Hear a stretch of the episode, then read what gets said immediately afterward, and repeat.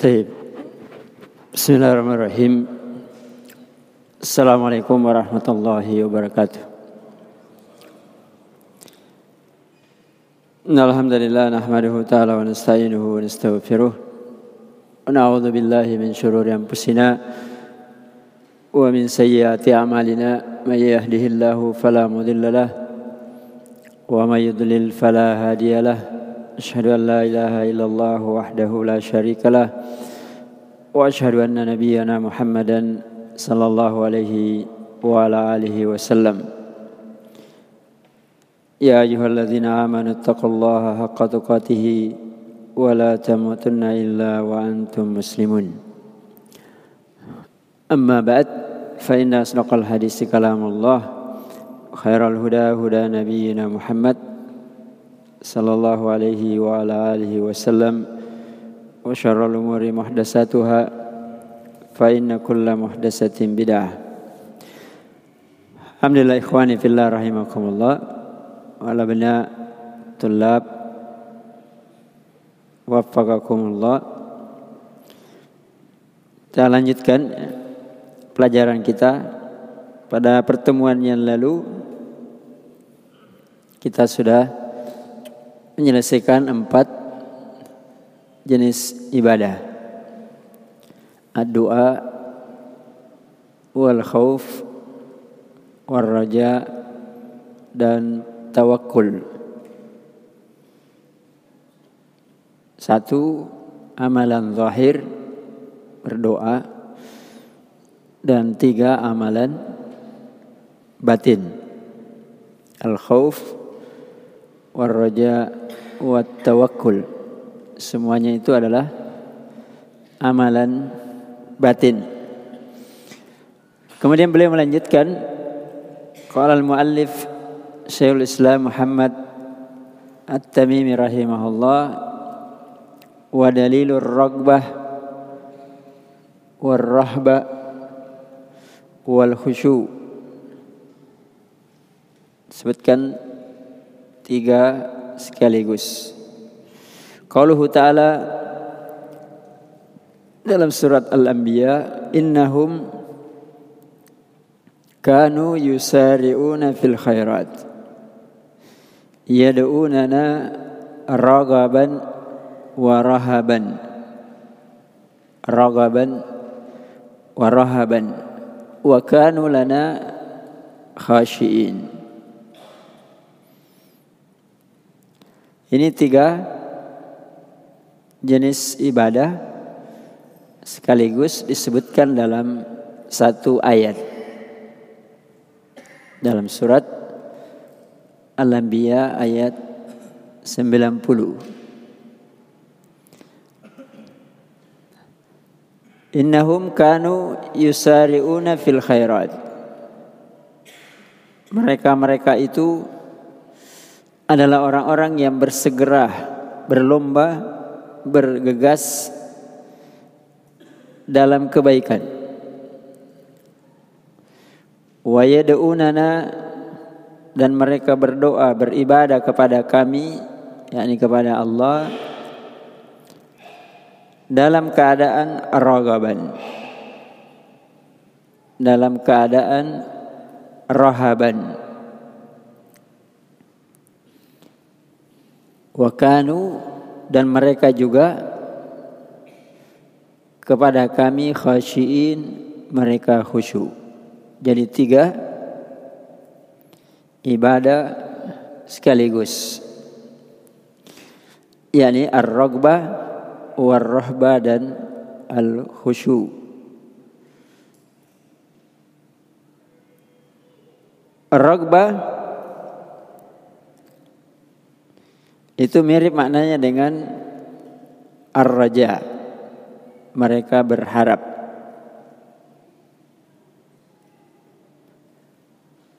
Wa inna ila rabbina ragibun.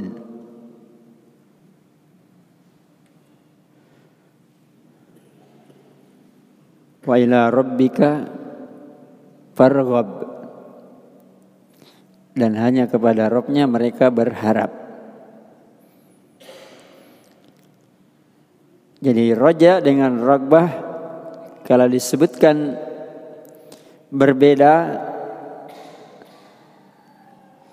maka maknanya sama berharap sebagaimana yang sudah berulang-ulang disebutkan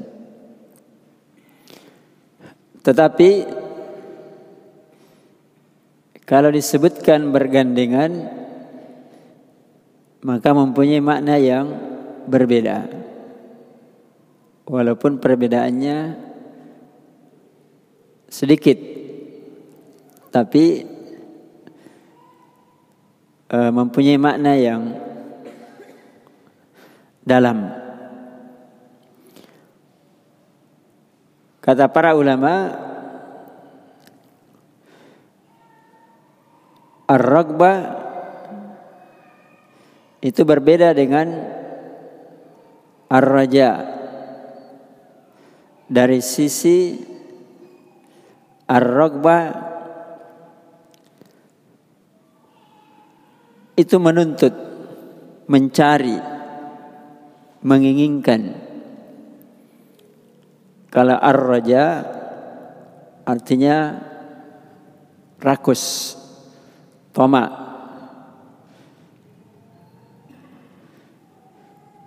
Maka rogba itu buah dari harapan. Karena ketika orang tomak kepada sesuatu, rakus kepada sesuatu, maka dia akan selalu mencari, menuntut, menginginkan sampai tercapai apa yang dia inginkan. Ya. Kalau mau ditulis. Jadi ar-ragbah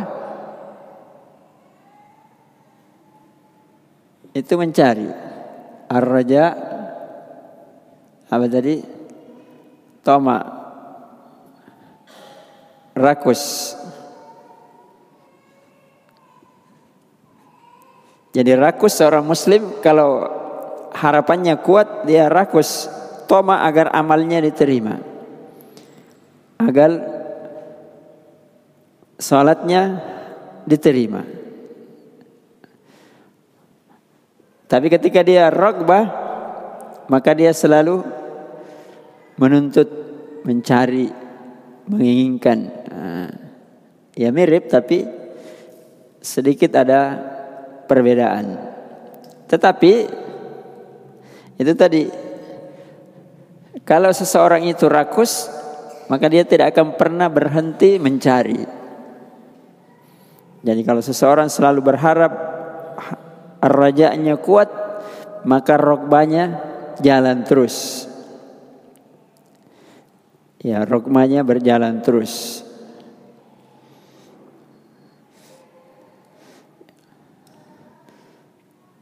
Tuntutannya berjalan terus. Lihat ayat tadi. Kalau yang punya mushaf, coba lihat ayat sebelumnya. Wa Zakaria ayat sebelum ayat yang dijadikan dalil wa Zakaria idnada rabbahu dan Nabi Rasul Zakaria idnada rabbahu berdoa.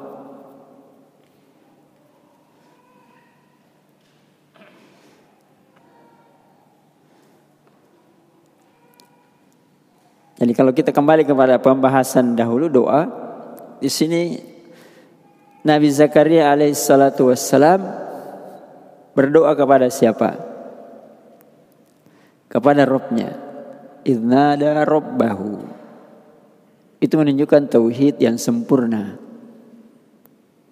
Jadi para nabi saja orang yang paling beriman di antara manusia yang ada tetap berdoa kepada Allah.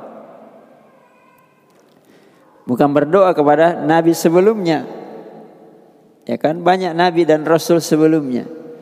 Ada Nabi Nuh sebelum Nabi Zakaria, ada nabi-nabi sebelumnya. Tapi dia tetap berdoa kepada Robnya. Apa doanya? Rabbi la tadharni fardan wa anta khairul warisin. Sebagian orang mengatakan ini contoh yang bagus doa ketika orang pengen punya anak. Lama baru dikaruniai anak. Id nada rabbahu.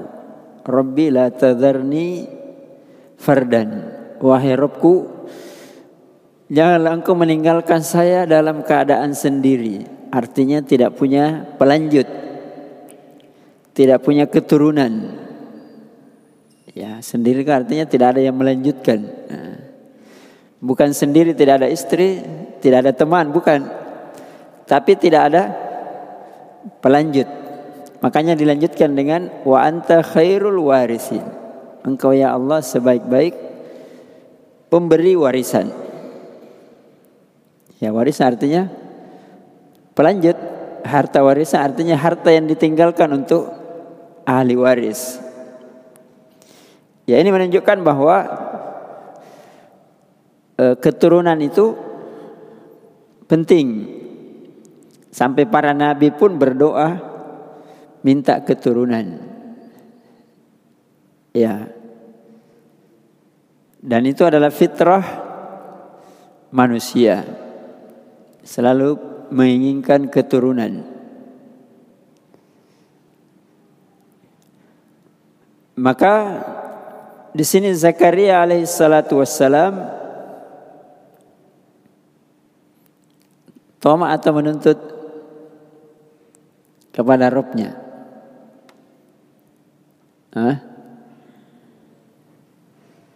Dia di sini roja atau rogbah?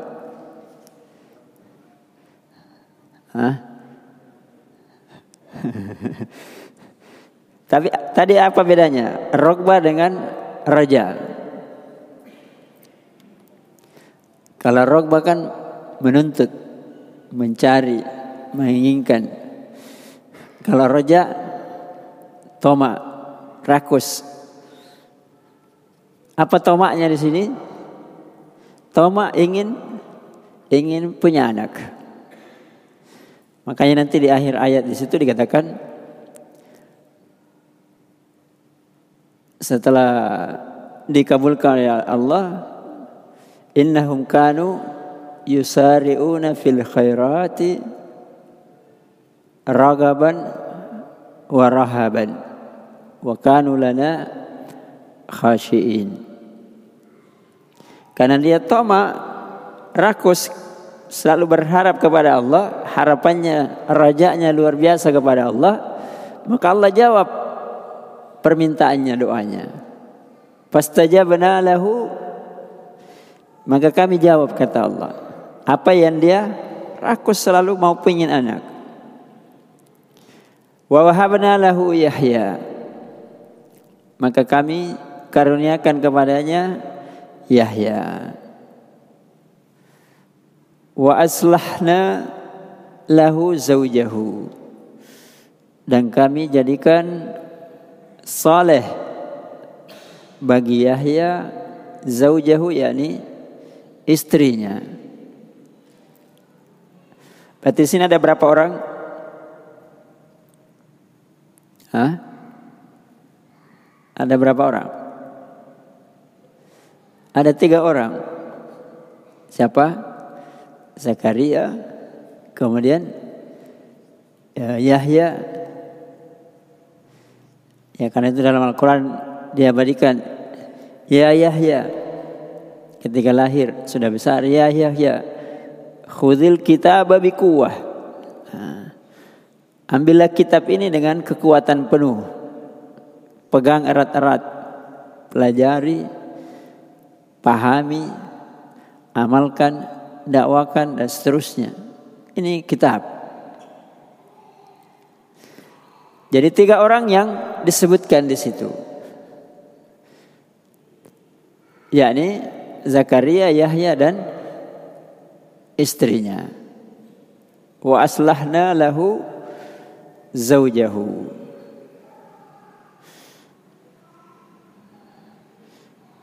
Innahum kanu yusari'una fil khairat. Karena mereka itu adalah orang-orang yang bersegera dalam kebaikan. Di antara amalnya, ibadah batinnya, Zakaria, Yahya dan istrinya yang itu tadi di atas. Ragaban wa rahaban wa kanu lana khashiin. Tiga amalan hati. Tiga amalan hati sekaligus. Jadi mereka bersegera dalam kebaikan mengumpulkan tiga amalan hati. Allah kumpulkan sekaligus dua, kemudian dipisahkan satu. Ya kan? Kanu yusari'una fil khairati ragaban wa rahaban. Baru dipisah wa kanu lana khashiin. Karena dua ibadah ini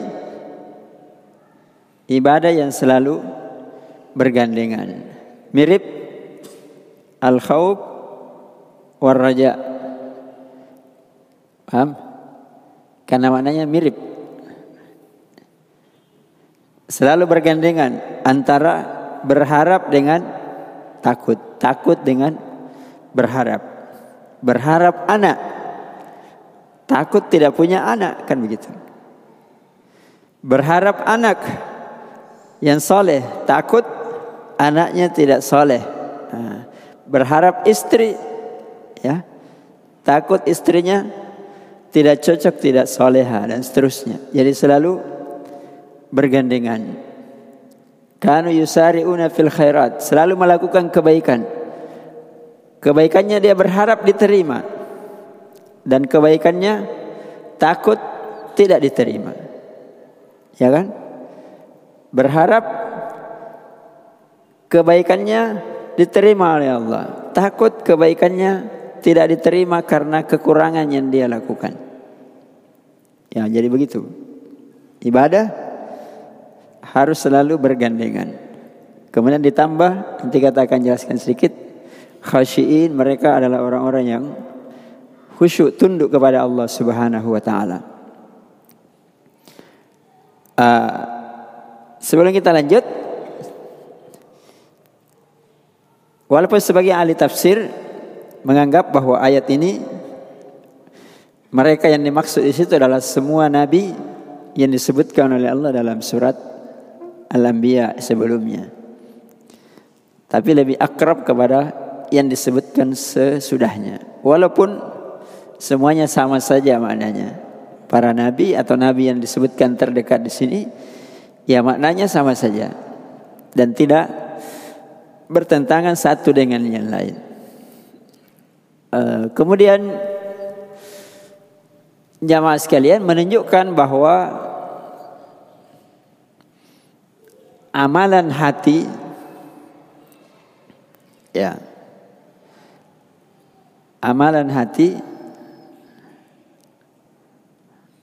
amalun qalbiyun eh, itu lebih penting daripada amalan zahir.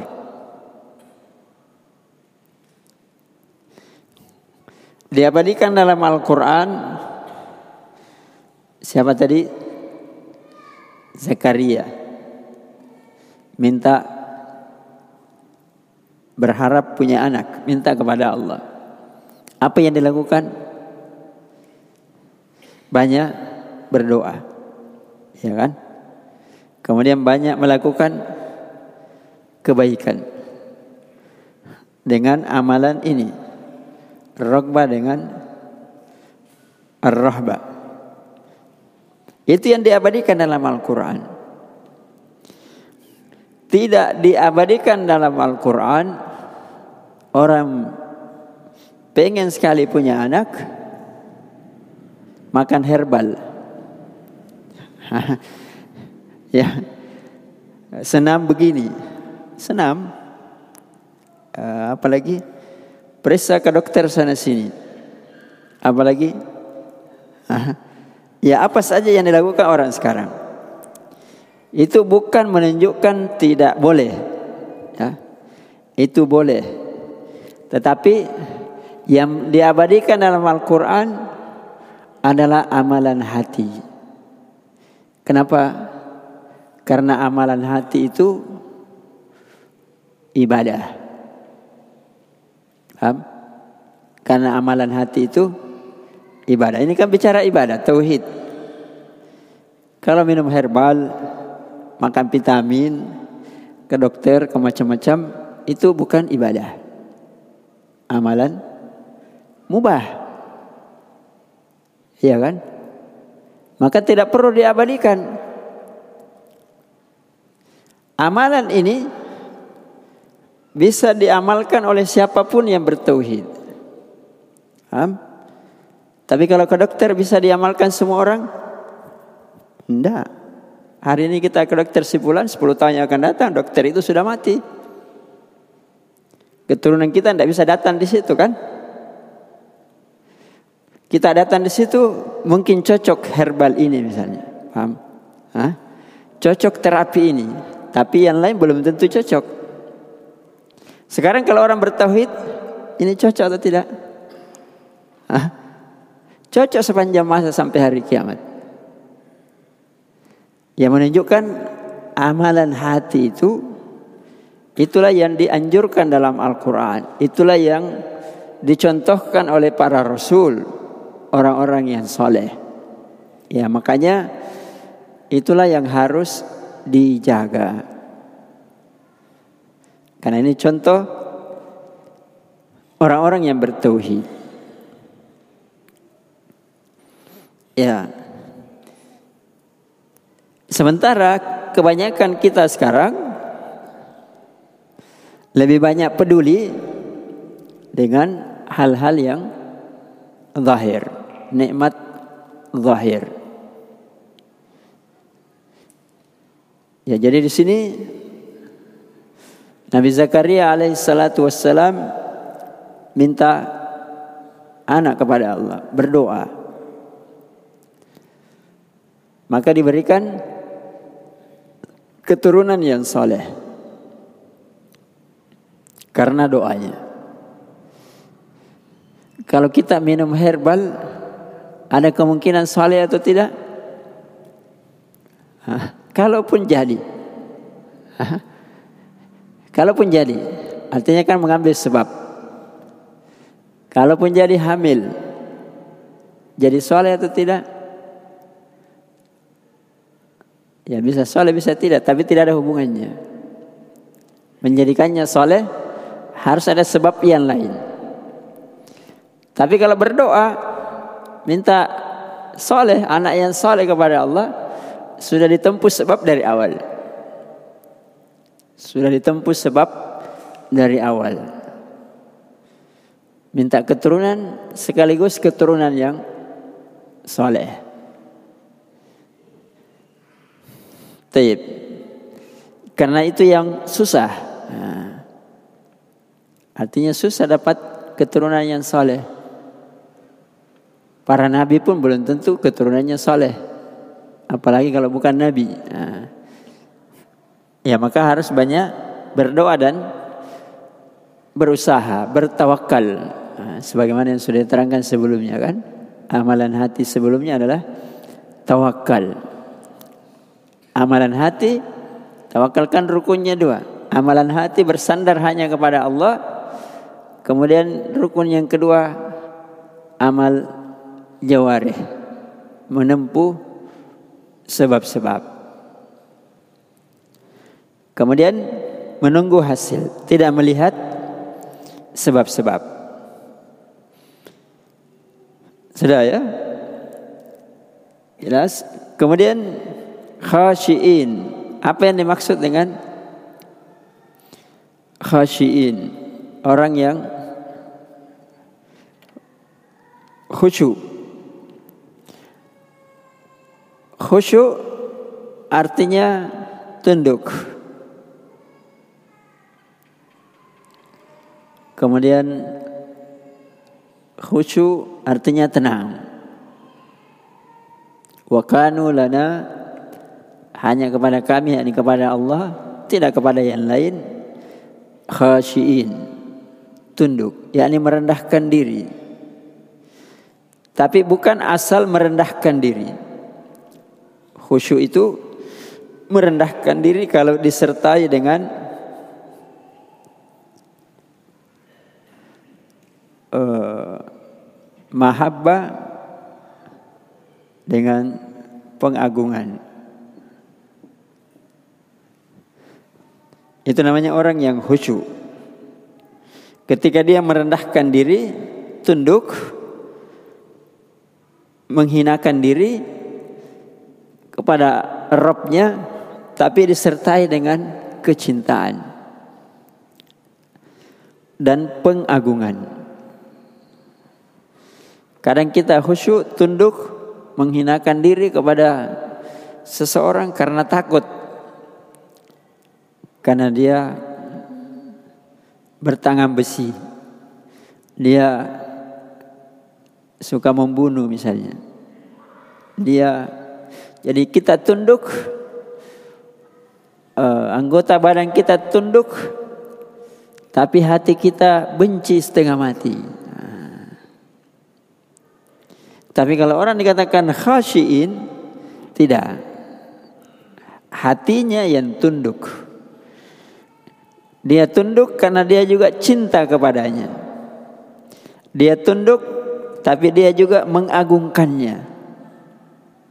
Nah, itulah hakikat tauhid. Jadi hatinya dipenuhi dengan ketundukan tapi juga dipenuhi dengan kecintaan dan pengagungan.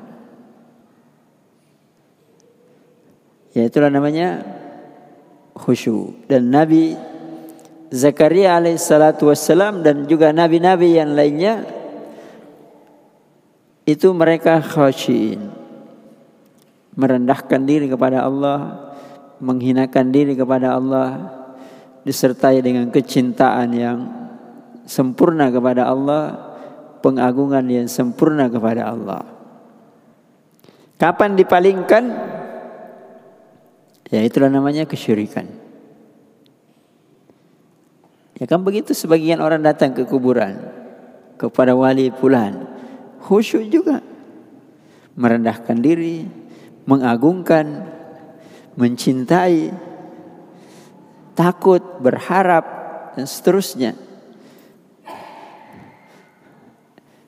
Ya. Dan seorang muslim secara umum Harusnya dalam segala waktu dan segala keadaan di mana pun dia berada, itu dia khusyuk, tunduk kepada syariat Allah Subhanahu wa taala. Dan kadang kehusyuan itu lebih dituntut lagi ketika melakukan ibadah. Ketika dia sholat, ketika dia berzikir, ketika dia membaca Al-Quran, ya khusyuk, tunduk, menghinakan diri, tenang, disertai kecintaan. Karena yang dibaca kalam Allah, karena yang diingat adalah Allah Subhanahu wa taala, harus diagungkan. Karena itu dalam Al-Qur'an Allah memanggil ya Alam ya'ni lilladzina amanu an takhsha'a qulubuhum li wa ma nazala minal haq. Kapan tiba waktunya bagi orang-orang yang beriman untuk khusyuk hatinya, tunduk hatinya, menghinakan diri bersama dengan kecintaan dan pengagungan. Karena itu satu kisah yang menarik.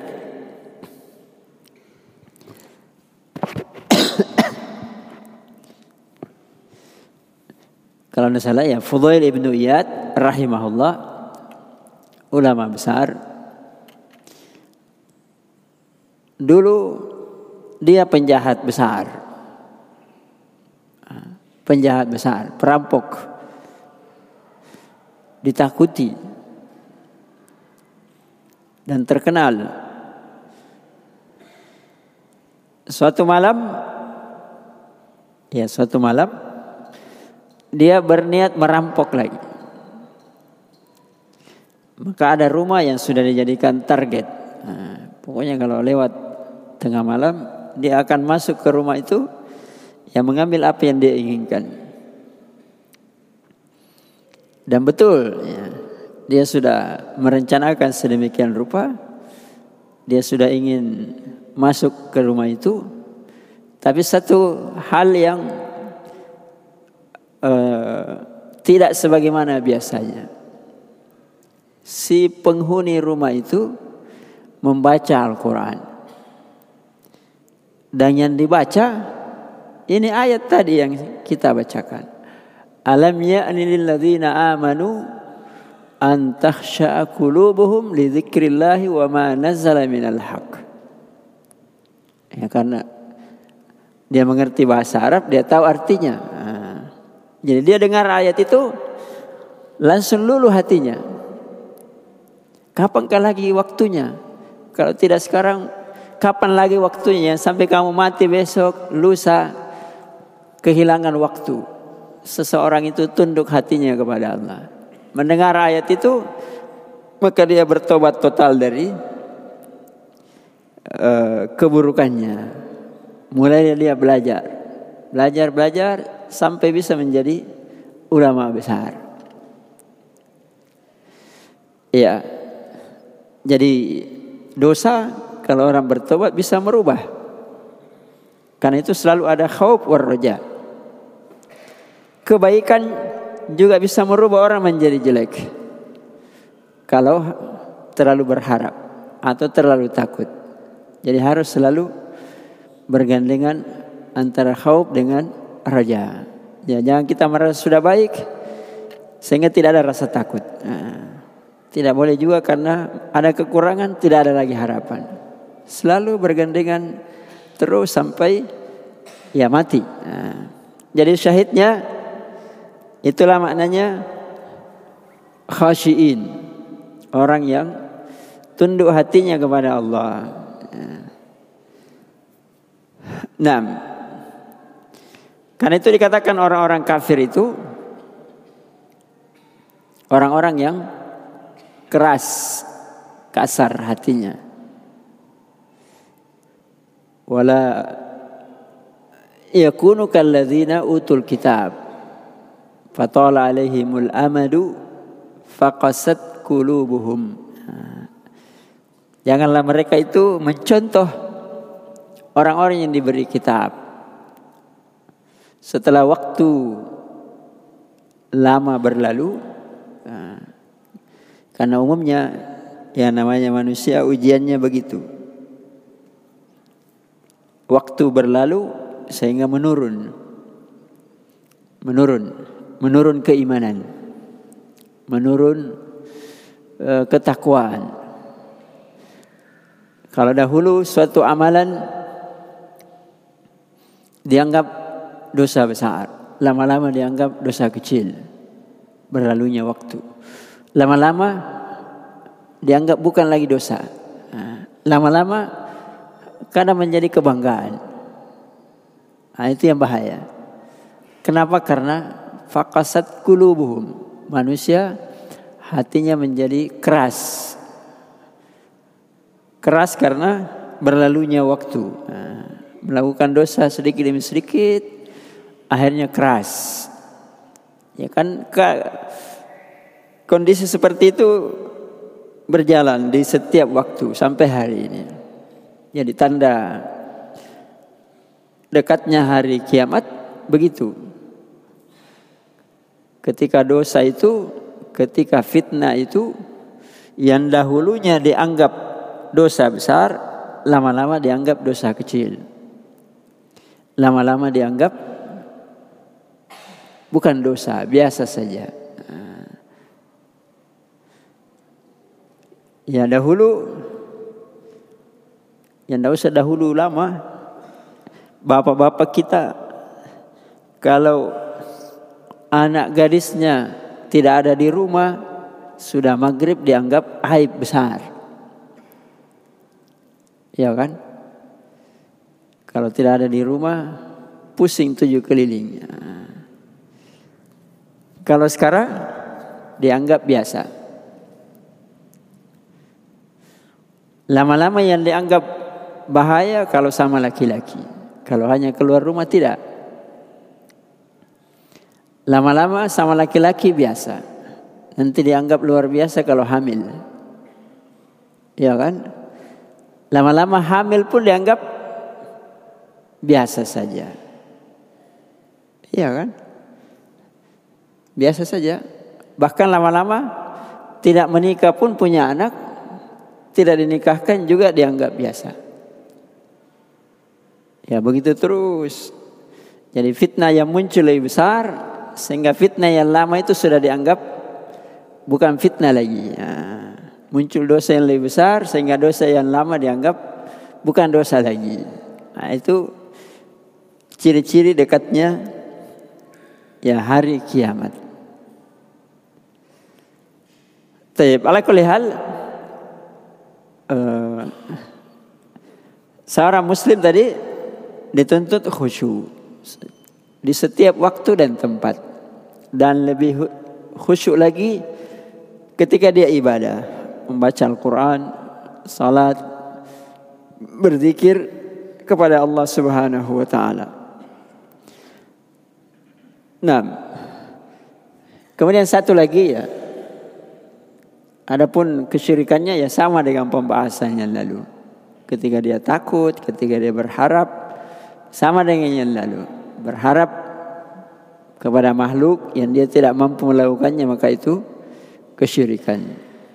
Ketika dia takut, ar-ragba pada sesuatu yang rahasia yang tidak bisa dilakukan kecuali hanya kepada Allah, maka itu adalah kesyirikan. Nah, kemudian yang terakhir saya sedikit khasyah. Wa dalilul khasyah. Karena khasyah ini juga maknanya takut. Hah? Juga maknanya takut. Sama dengan ar-rahbah tadi juga takut. Khasya maknanya takut. Tapi dia punya makna yang lebih khusus daripada takut.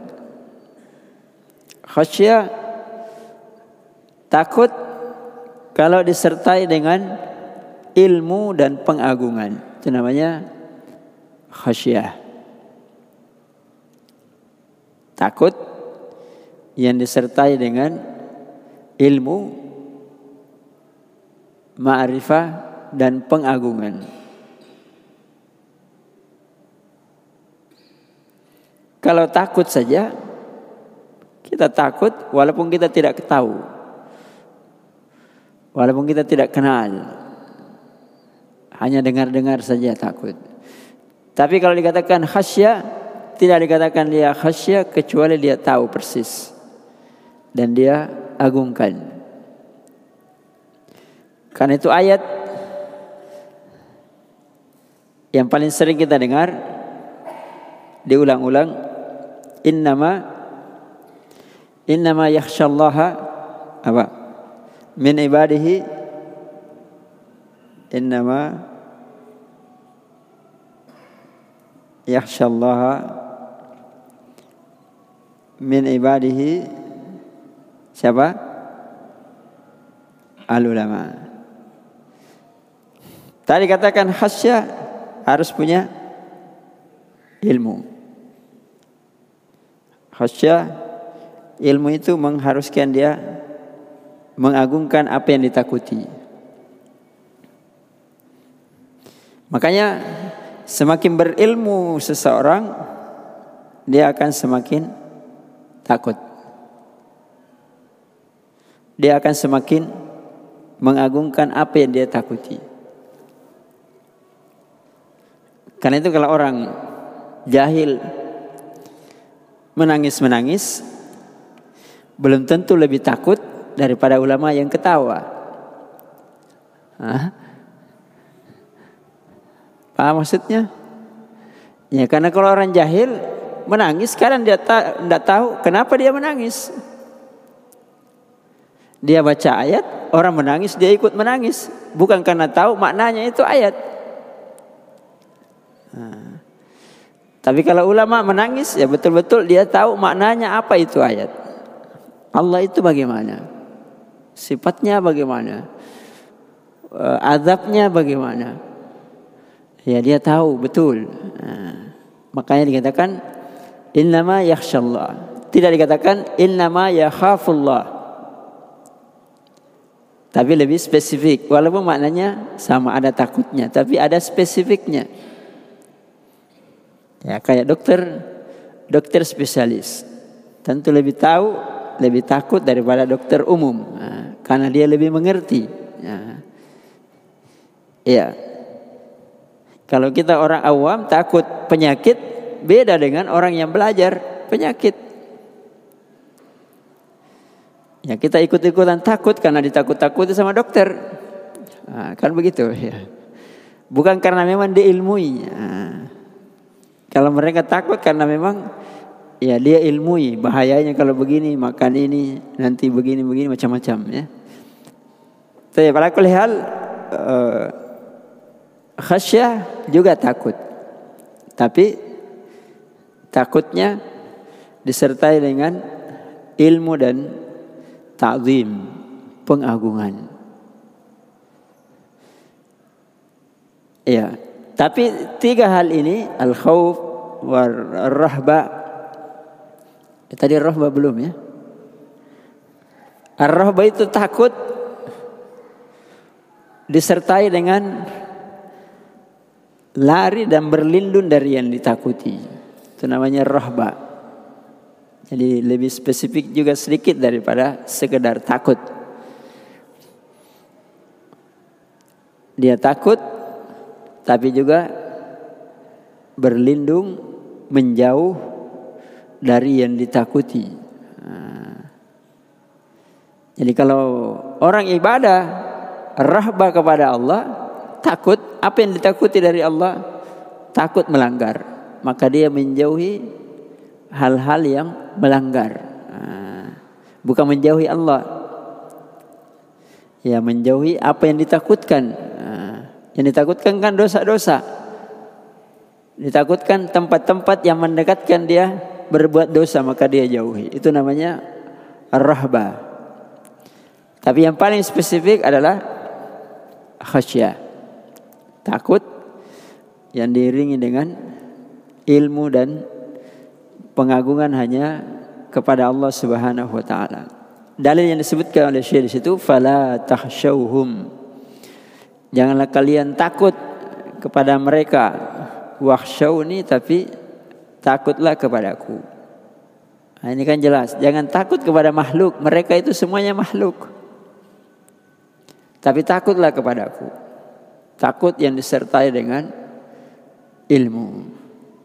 Kalau makhluk itu kita takut, setinggi-tingginya takut kita mati. Dibunuh, diapain, diapain. Tapi setelah itu selesai.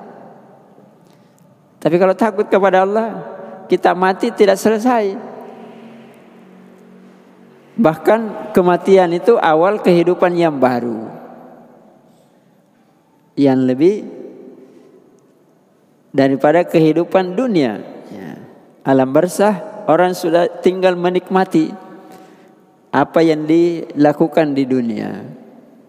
Amalnya, amal baik atau amal buruk.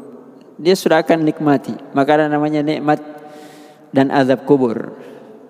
Tapi nanti akan lebih sempurna pembalasannya di hari akhirat. Jadi alam barzah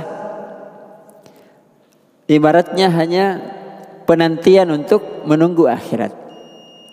Tapi menanti itu menanti menunggu itu pekerjaan yang paling berat. Hah? Tapi kalau kita menanti dalam keadaan senang, masih enak kan? Coba misalnya kita tunggu saya di di Makassar, di mana di hotel, ya enggak apa-apa lama-lama.